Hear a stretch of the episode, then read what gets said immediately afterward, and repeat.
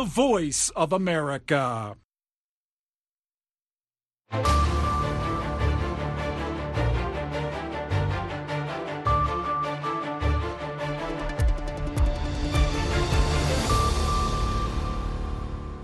subax wanaagsan dhegeystayaal kuna soo dhowaada idaacadda subaxnimo ee laanta afka soomaaliga ee v o a oo idinkaga imaaneysa washington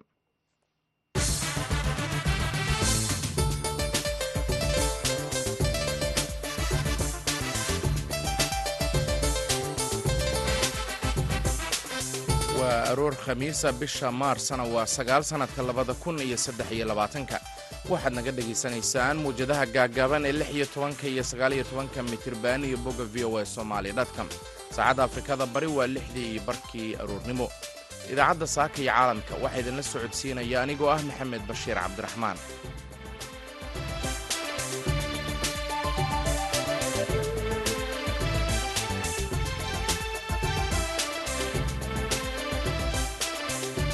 qodobada aad dhegaystayaal idaacaddeenna subaxnimo ku maqli doontaan waxaa ka mida madaxweynaha soomaaliya xasan sheekh maxamuud oo saxiixay saddex sharci oo muhiim ah.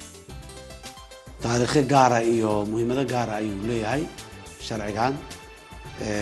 Qaarkiis oo sida sharciga sirdoonka iyo nabasugidda qaranka oo aanan jirin sharci dhisan oo hay'addu ay ku dhisan tahay muddo dheer na la wada dhowrayay dhowr iyo konton sano kadib maanta in la dhaqangeliyey oo uu jiro wax weyn weeye dibadbaxyo caraysan oo dalbanaya isla xisaabtan kadib shilkii treenka ee ka dhacay dalka griiga ay ku dhinteen ilaa konton iyo toddoba qof. Warbixin ku saabsan ayaad maqli doontaan. Sidoo kale waxaan idiin haynaa warbixin ka hadlaysa waxbarashada haweenka iyo cabasho la xidhiirta biyola'aan haysata qaxootiga soomaalida ee ku nool dhadhaab iyo qodobo kale. Intaasise waxaa ka horeynaya warkii caalamka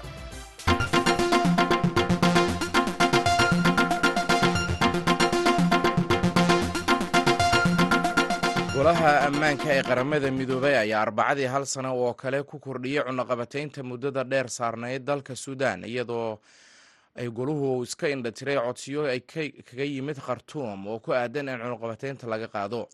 Suudaan ayaa dhowr mar jeedisay dalabka ah in goluhu uu ka qaado cunaqabataynada iyo xayiraadaha hubka ee saaran kuwaasi oo lagu soo rogay labadii kun iyo shantii xilligaasi uu dagaal xoogan ka socday gobolka darfuur ee galbeedka suudaan bishii hore ayuu wasiirka arrimaha dibadda ee ruushka sergey lafraf u ballan qaaday suudaan inuu taageeri doono codsiga codsigeeda ah in cunaqabataynta la qaado. Laakiin golaha oo ka kooban shan iyo toban dal ayaa u codeeyey in la cusboonaysiiyo howlaha guddi khubaro ah oo u xil saaran la socodka iyo hirgelinta cunaqabataynta iyo xayiraadaha hubka ilaa labayo tobanka maaj sanadka dambe ee labada kun iyo afariyo labaatanka saddex iyo toban dol ayaa u coodeeyey in cunaqabataynta la cusboonaysiiyo iyadoo ruushka iyo shiinuhuna ay ka aamuseen. Madaxweynaha dalka tanzaniya saamiya saluuxu xasan ayaa wacad ku martay inay soo celin doonto doorashooyinka sida furan loogu bartamo ee dalkaasi iyadoo daah furtay hanaanka muddoba gaabiska ku jiray ee dib u eegista dastuurka taasi oo ah in muddo ahba arrin ay codsanayeen mucaaradku xasan oo xafiiska joogtay muddo saddex iyo labaatan bilood ah ayaa doonaysa inay soo celiso dimuqraadiyaddii dalkan ku yaalla bariga afrika iyadoo bishii januari ay meesha ka saartay xayiraadihii mucaaradka ka saarnayd inay banaanbaxyo qabsadaan. Saamiye xasan oo ah lixdan iyo saddex jir ayaa kulan ay isugu yimaadeen kooxda mucaaradku oo lagu dabaaldegayay. Maalinta haweenka caalamka waxa ay ka sheegtay inay ballan qaadayso dib u habeyn badan oo qaranka loogu sameynayo siyaasad furfuran oo lagu loolamo tanzaniya ayaa kun sagaal boqol iyo sagaashan iyo shantii waxay qabatay doorashadii ugu horreysay ay xisbiyo badan ku tartameen iyadoo tan iyo markaasina uu xisbiga talada haya ee c c m uu ku guuleysanayay doorashooyinka dalkaasi. C c m ayaa codod badan ayaa codaddan siddeetan iyo afar boqolkiiba ku guuleystay doorashadii guud ee dalkaasi ka dhacday labadii kun iyo labaatankii taasi oo mucaaradku ay qaadaceen iyadoo qaar ka mid ahna diblomaasiyiinta shisheeye ay ku tilmaameen doorasho lagu shubtay saamiye ayaa sheegtay inuusan jirin madaxweyne muddo soddon sano ah ka qayb galay kulan ay yeesheen kooxaha mucaaradka. Waxa ay wajahaysaa cadaadis kaga yimanaya mucaarad waa halkaas aan idinku celiyo saamiye ayaa wajahaysa cadaadis ah inay ka hortimaado siyaasadaha xagjirka ee madaxweynihii hore ee xilka kaga horreeya john magufuli kaasi oo dhintay labadii kun iyo koob iyo labaatankii kadib lix sano oo dalkaasi uu ku maamulayay gacan adag warkii dunidana dhegeystayaal waa naga intaa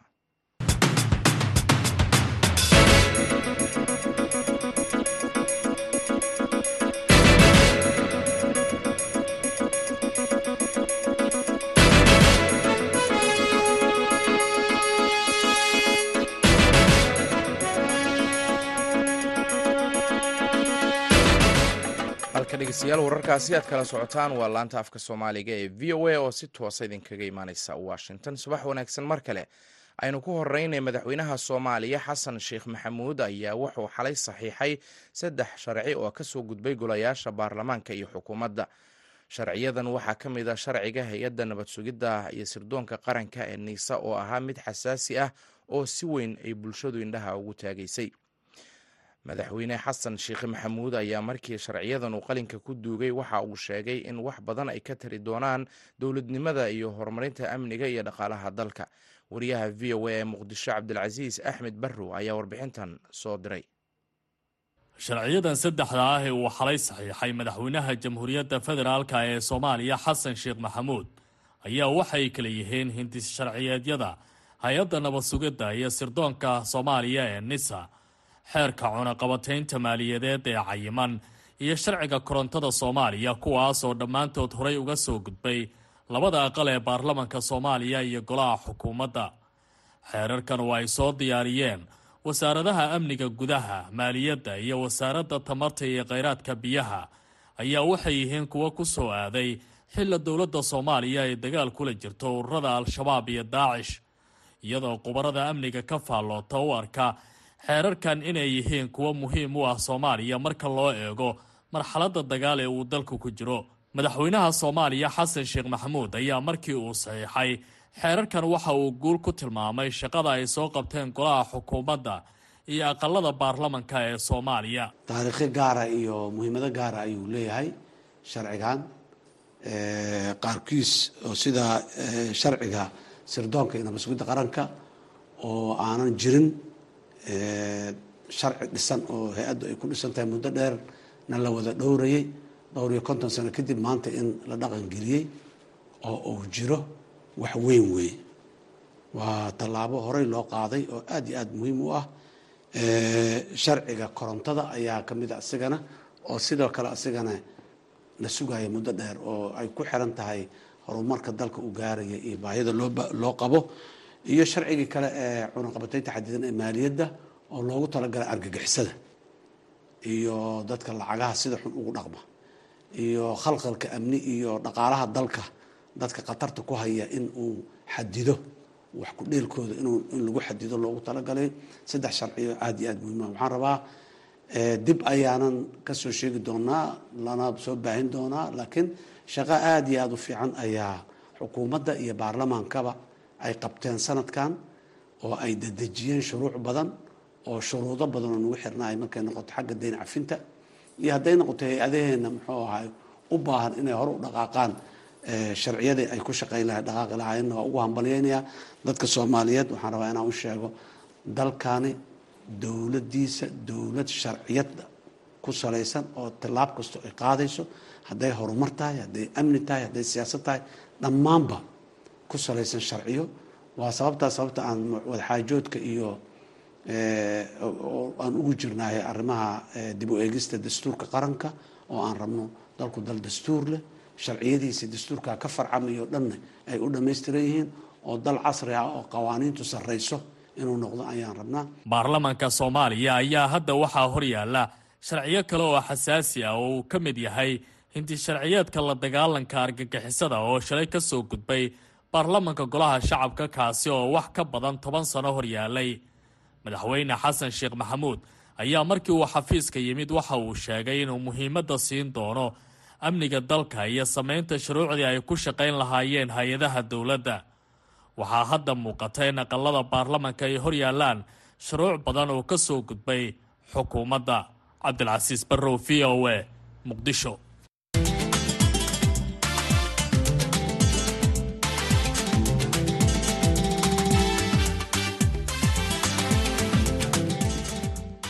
dunida waxaa sideedda maarso ee sanad kasta laga xusaa maalinta haweenka dunida. Dumarka soomaaliyeed oo halboole u ah horumarka soomaaliya ayaa meelaha ay kaalinta weyn ku leeyihiin. Waxaa ka mida adeegyada waxbarashada caafimaadka iyo ganacsiga kuwaasi oo lafdhabar u ah nolosha qoysas badan.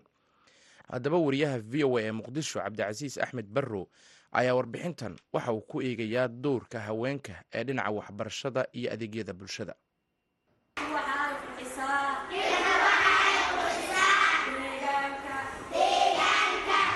khadre maxamed hiraabe waxay cashar siinaysaa mid ka mid ah ardayda dhigata fasalka iskuulka ay macalinka ka tahay ee ah xarunta gabdhaha agoonta ah ee degmada boondheere ee gobolka banaadir.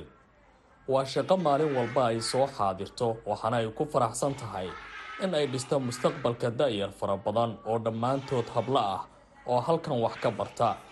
Shaqada macalinimadu ma aha mid fudud hase ahaatee khadre hiraabe waxay dul u muujinaysaa si da-yartan ay u noqon lahaayeen kuwa mustaqbalkooda ku guulaysta. Markii gabdho wax la baraana waa dareemi karta waa hanaanka bulshada oo haddaan maanta bulsho wax la barin bulshada dumarka aan wax la barin. Horumarka bulshada waa yaraanee waxaa la yidhi hadba waddanku intuu eegyahay waxbarashadiisa ayuu horumarkiisu la ekaadaa oo dumarku haddii wax la baro horumarka dumarka waayo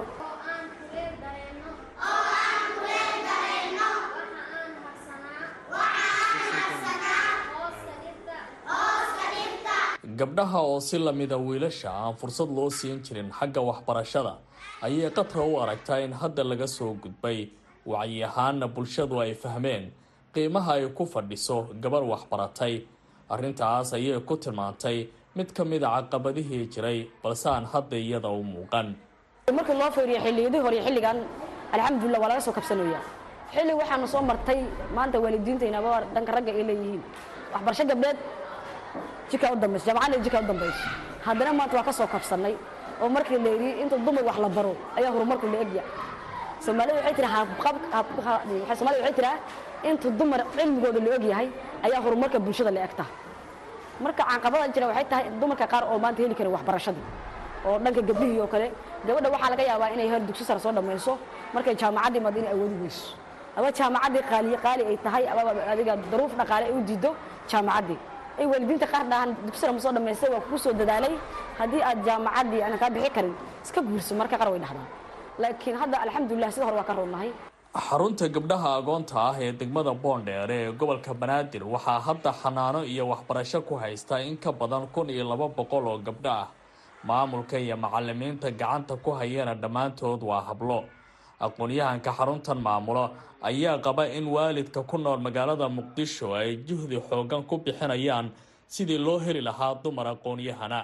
Dhaqanka oo weli aan isagana wada suulin oo gabar waxba iima sheegaysee wiilkaa iga mudan. Haddii macnaha wiilkii gabadha isla soo istaagaan in marka xarasha madax loo dhigaynin oo la leeyahay walba dayar tahay. Inkastoo hadda soo kabashada u badan fursadaha ay heleen waxaa aad u sii ballaarinayo fursadda waxbarashada freega ah markii la helay dugsidii dowladii la furo public schoolski. Gabadhii markaas fursaday ka heshay la dhahay ani wiil iyo gabar lacag kama dhiibi kariye wiilkaa ii darna gabadha alaabtaada u baahane gurigaa u baahane wiilka loo dirayo ayadan fursad kale u ahayd. Marka alxamdulilah marka caqabadaha waa mid ay qaar ayaga u sabab yihiin gabdhaha laftirkooda iyo waalidiinta oo naftirkooda aan wax soo baranin oo gabadhii aan dhihi karin hore u soco waxbaro. Odhays waa weynaatay maa ninkeesatid maa guursatid labaatan sana gaartay waa duqowday. Marka gabdhaha dhiirigelin badanay u baahan yihiin bulshada wacyigelinay u baahan tahay. Marka laga yimaado doorka dumarka soomaaliyeed ay ku leeyihiin waxbarashada waxay sidoo kale kaalin weyn ka qaataan caafimaadka iyagoo ka shaqeeya cisbitaalada dalka adeeg iyo talooyin caafimaadna siiya bukaanada u baahan daryeelka.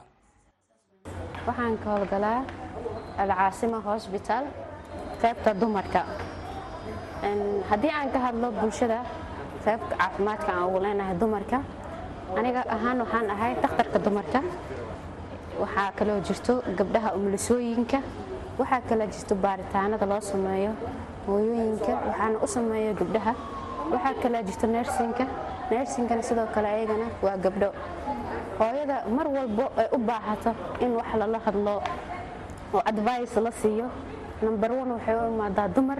Siduu advice uu u siiyo waxaa jirta waxyaaba hadallo oosan u sheegi karin ragga ay u sheegato dumarka. Nersinka haddii aan ka hadalno maamada markay u imaado waa qofta u shaqaynayso daawooyinka siinayso. Haddii aan u hadalno gabdhaha laabka waa gabdhaha dhiigga ka qaado baaritaanada u sameeya oo wax walbay u baahan yihiin u sameeya. Midwiferiga haddaan dhahno hooyada dhalaanka markay noo imaado waxaan u samaynaa midwiferigaan u samaynaa waan ka dhalinaa hooyada. Bulshada qayb weynaan ka leenahay lafdhabarka bulshada caafimaadka waa dumarka. Soomaaliya dumarka kaalin weyn ayay ku leeyihiin horumarka bulshada iyo wax soo saarka nolosha qoysaskooda. Intii lagu guda jiray marxaladihii colaadihii sukeeyana waxay hablo badan sabab u noqdeen inay samata baxaan qoysas badan. Arrintaas ayay dadka qaar waxay u arkaan inay daboolka ka qaaday kartida ay hablahu u leeyihiin inay u adkaystaan shaqooyinka adag. Iyo in bulshadu ay ku hogaamiyaan wadiiqooyin guula horseeday. Cabdilcasiis barrow v o a muqdisho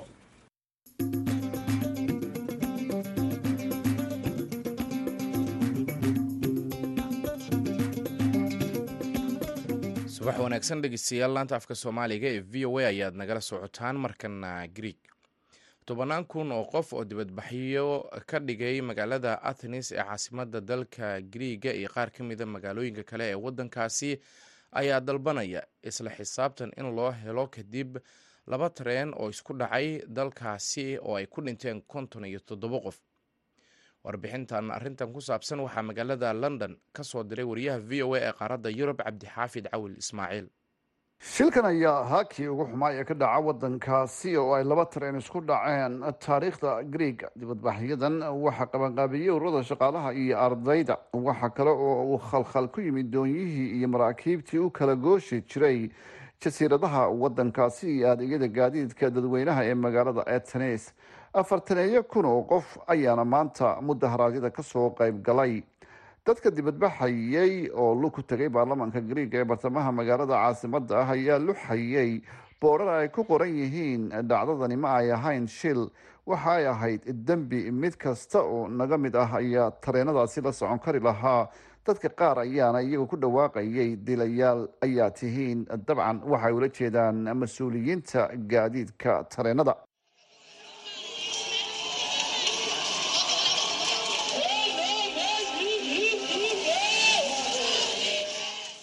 isku dhac ayaa mar dhacay kadib markii ay iska hor yimaadeen qaar ka mid a dadka dibadbaxaya iyo booliiska ka hortaga rabshadaha.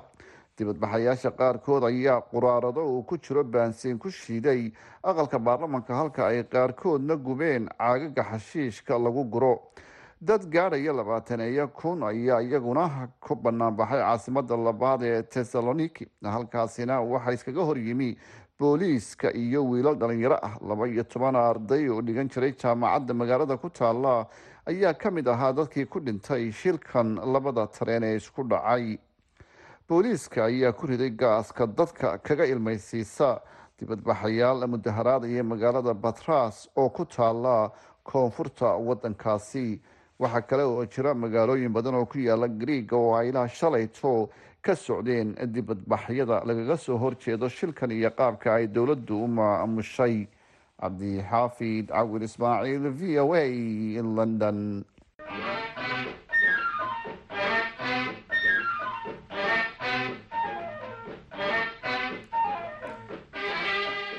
ka mid ah xeryaha qaxootiga dhadhaab ee dalka kenya ayaa laga soo sheegayaa inay ka jiraan biyo la'aan baahsanay taasi oo saameyn ku yeelatay qaxootiga cusub ee goobahaasi gaaray.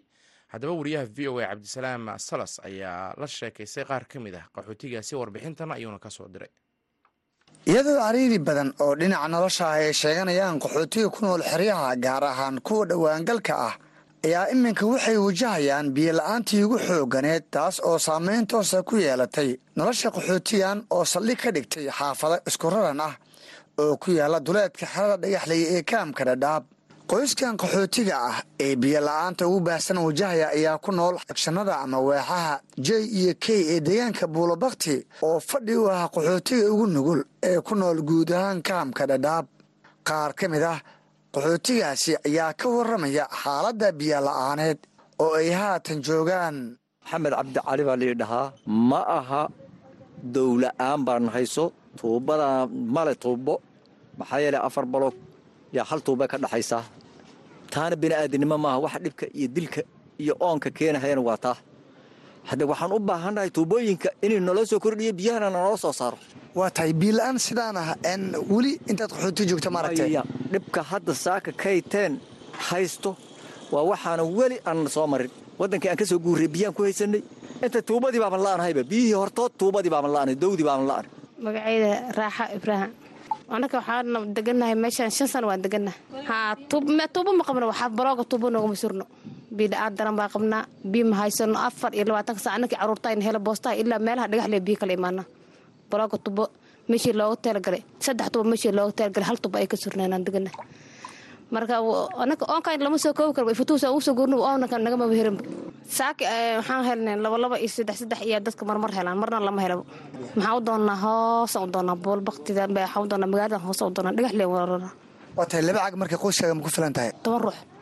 Toban ruux ay ka koobantay sidee marka laba caag u isticmaashaa.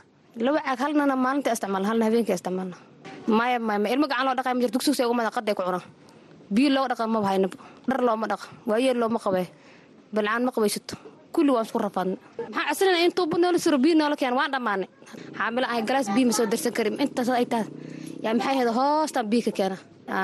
Laba dirgaan subax anoo xaamilo ah bishana tobanii ah meesha arta biyo ka keenaan biyo male rafaad subaxi laba dirgaan saa u qaada tuubayaalka u dadawrsanaynan habeenka soo hoyna tuubo kale handaana noola surna handaa halkeen handaa laba keelna bata waa noolaan leen dhinaca kale qaxootigan biyo la'aanta oo qaarkood horaan ugu laabtay soomaaliya balse ku soo noqday xeryaha ayaa tilmaamay inay wajahayaan xaalad ka duwan noloshii horaan ugu noolaayeen. Qaxootiga ku jira xeryaha waa tan geediye cabdi oo dhowaan ku soo laabatay gudaha xeryaha. Aad iyo aadaan horta biilaan ooga cabdanayna qaxootigan dadkii cusub iyo dadkii hore oo deganaa isku mid waaye. Nin maanta loo baxsanayo malaha hadda imaaday iyo dadka kale nin loo baxsanayo malaha saak waagan suu u bariye. Laba jirgaanaan ka keenay. Dhagaxley magaalada hoose. Cunugu maan u qabaynaa cunto maan oogu karinaa dhar maan ooga dhaqaa seen wax yeelnaan taagan. Geediyo waxaad ka mid tahay qaxootigii horaan xeryaha ka tegey ee soomaaliya tegey mar kalena ku soo guri noqday xeryaha. Bal ka waran nolosha aad kala kulantay xeryaha. Xeryaha markii hore markii hore nololaan kala kulmay laakiin hadda sacadda way naga xun tahay dhagaxle intaa oga qaxdinayno taaganta buulo bakti markaan nahay intaa u qaxda soomaali weynaa nugu soo korduntay annagoo markii horeba tuubo aan qabin. Iyo intii deganeed in ka sii badan ku soo korduntay oon gaajo rafaad wax walba waa loo dhammaan hayaa markii soomaali markaan ka soo soomaali waxaan ka soo qaxnay annaga xabad iyo qaxan ka soo qaxana kenya markaan imaan waxaan lahay amni ima heshin laakiin amni waan halnay hadda rafaad iyo oon iyo gaajaana haystaa. Biyola-aanta ka jirta xeryaha xilliyada qaar waxaa ka dhasha iskacanqaad iyo rabshado dhex mara bulshada qaxootiga ah taas oo sababta in odayaasha xeryaha ku nool wakhti badan ay ku bixiyaan xalinta khilaafaadkan ka dhashay biyola-aanta waa kan siyaad cali gallow oo arrimahaasi ka warramaya. Markay isku imaadaan waxaa ka dhaca meeshayda aruurtii bilcaanta isku imaadaan rabsho ballaaran baa ka dhi shaqaaqo weyn baa ka dhi dhab i dagaal baa ka waxyaalahaas marka waxay u baahan doonaan oday oo halliyo maalin leyl waxaan u fadhinaa hal baan u fadhinaa daqarka iyo uma malayn kartid dhacdada iyo cafimada dagaalka dadka coleysan uma malayn kartid. Intaasna waxa u badan biyo la'aanta. Marka haddii biyaha la helo balooq walba tubadiis la siiyo mase manaha dadka baanaha kore ee dulshadana degay la siiyo manaha booyid mase tubo kale loogu daro waxay manaha baahiyada faraha badan dagaalka way yaraan lahayd marka cabdisalaan oo khare loogu siiyo hadda sidan saaka xaajidii aan hadda ka soo tegey kuwa k k ten isku dagaalayna waan ku jiray. Annaga markaana odayaasha wallaahi uma shaqeyna ciyaalkaanada. Waxaan u taaganahay hal iyo kala dejinta dadka naagaha kala dejintooda biyaha kala dejintooda intaasa u taaganahay. Marka dhib weyn baan ku qabnaa sida iyada biyola'aanta ugu dambayntiina xiriir aan la sameynay xafiiska biyaha maamulo ee xerada kama helin jawaab ku aadan. Sababta keentay biyola-aantan ay wajahayaan boqolaalka qoys ee ku nool gudaha xeryaha. Cabdisalaan salas v o a xeryaha dhadhaab aad baad u mahadsan tahay. Cabdisalaam markana dhegeystayaal kaalmihii heesaha mid ka mid ayaan idiin soo qabanaynaa. Codka xasan aadan samater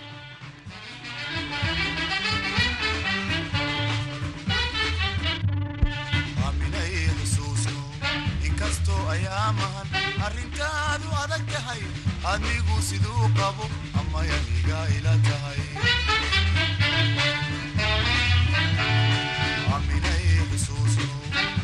inkastoo ayaaman arrintaadu adag tahay adnigu siduu qabo amayaniga ila tahay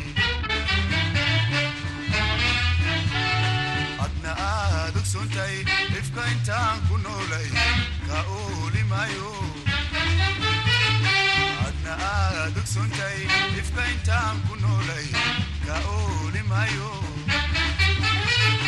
ininkale arooskii ku abaabula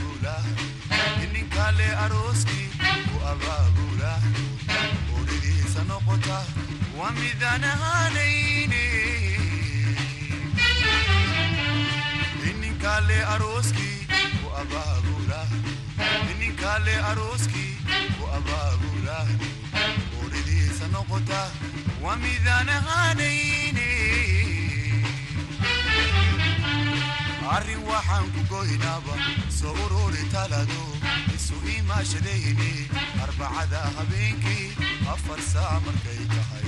Haynuu ahaatee aaminay xusuusno arrin waxaan ku goynaaba soo ururi talado isu imaashadayni arbacada habeenkii afar saac markay tahay. Haynuu ahaatee aaminay xusuusno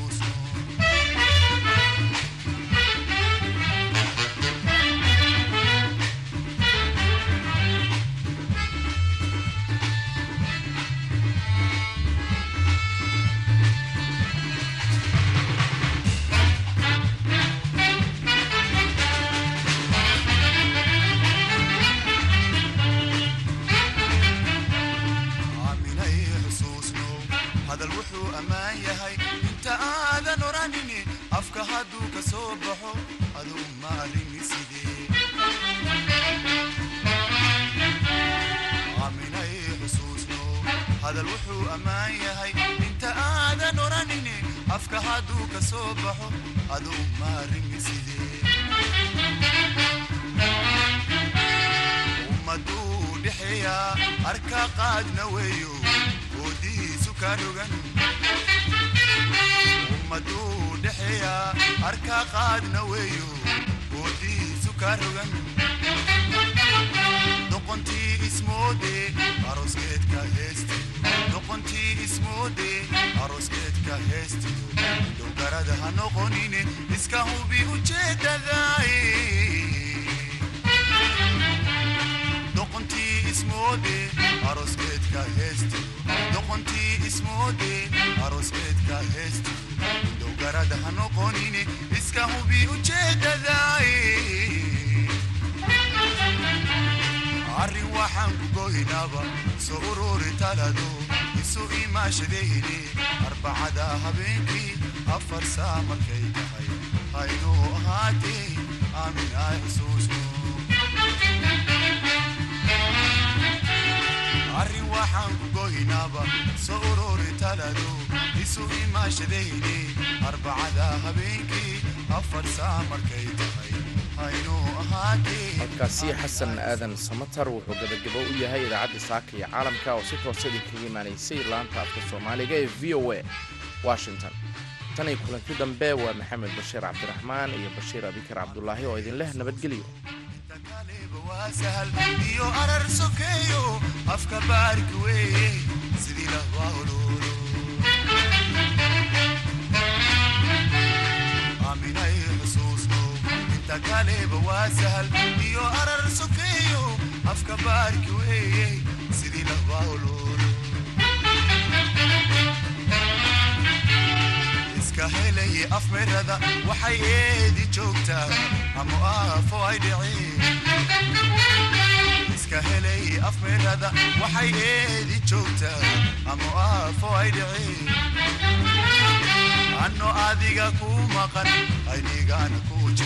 anno adiga kuu maqan aynigaana kuu jecel markaad awrta meel kale ambaqaad guurtee anno adiga kuu maqan aynigana kuu jecel anno adiga kuu maqan aynigana kuu jecel markaad awrta meel kale ambaqaad guurti arrin waxaan ku goynaaba soo ururi